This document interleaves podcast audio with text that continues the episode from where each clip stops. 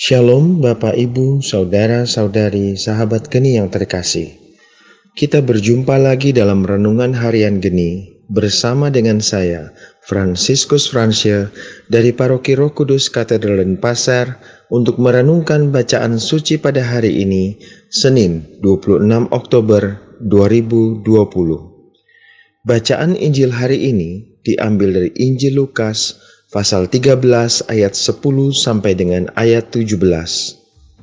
Diceritakan ada seorang perempuan yang telah 18 tahun dirasuki roh jahat dan mengakibatkan penderitaan pada fisiknya, yaitu bungkuk pada punggungnya dan tidak dapat berdiri dengan tegak. Yesus datang menyembuhkan perempuan itu, dan hal itu terjadi pada hari Sabat. Kepala rumah ibadah gusar dengan sikap Yesus yang menurutnya telah melanggar aturan hari Sabat. Menanggapi hal ini, Yesus berkata, "Hai orang-orang munafik, bukankah setiap orang di antaramu melepaskan lembunya atau keledainya pada hari Sabat dari kandangnya dan membawanya ke tempat minuman?" Bukankah perempuan ini yang sudah 18 tahun diikat oleh iblis harus dilepaskan dari ikatannya itu karena ia adalah keturunan Abraham? Dalam hal ini, Yesus mau mengkritik sikap kepala rumah ibadah yang munafik, yaitu berpura-pura percaya atau setia kepada agama, kepada hukum Taurat, tetapi sebenarnya dalam hatinya atau dalam tingkah lakunya tidaklah demikian.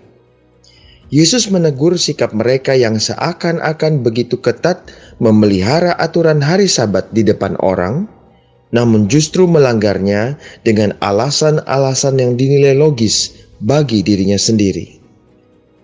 Lebih dalam lagi, Yesus juga mau menekankan bahwa keselamatan jiwa manusia itu merupakan hal penting yang harus didahulukan. Bapak, ibu, saudara, saudari terkasih, sebagai pengikut-pengikut Yesus, kita pun dipanggil untuk melayani sesama yang menderita, mewartakan kabar sukacita, mewartakan kasih Allah, dan menjadi saluran rahmat Allah.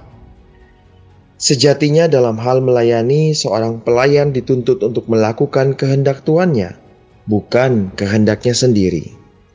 Sebagai pelayan, kita tidak dapat memilih pelayanan. Apa yang akan menjadi pelayanan kita, orang-orang yang harus kita layani, dan waktu-waktu khusus untuk melayani. Tidak jarang kita akan diperhadapkan pada pelayanan yang belum pernah kita lakukan sebelumnya, atau pada satu situasi tertentu, atau pada orang-orang yang justru dianggap gagal, terbuang, dan dikucilkan dalam masyarakat karena dianggap terikat oleh dosa besar. Bagaimanakah sikap batin kita?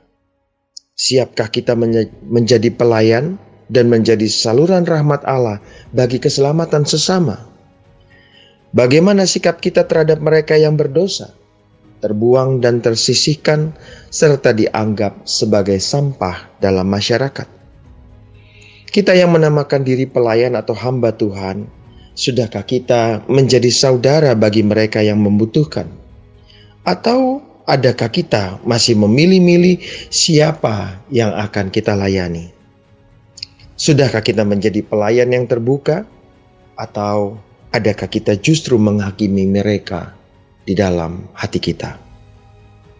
Marilah bersama-sama dengan bantuan rahmat Allah, kita berusaha menjadikan diri sebagai pelayan yang selalu siap sedia dan terbuka dalam melayani mereka yang membutuhkan kasih, pengampunan, serta pembebasan oleh kuasa Allah dari setiap hal yang membelenggu kehidupan mereka.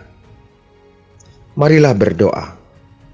Ya Allah, curahkanlah rahmatmu dalam hati kami, supaya kami tetap setia melayani sesama yang membutuhkan, meskipun harus menghadapi berbagai macam tantangan. Amin. Dalam nama Bapa dan Putra dan Roh Kudus. Amin.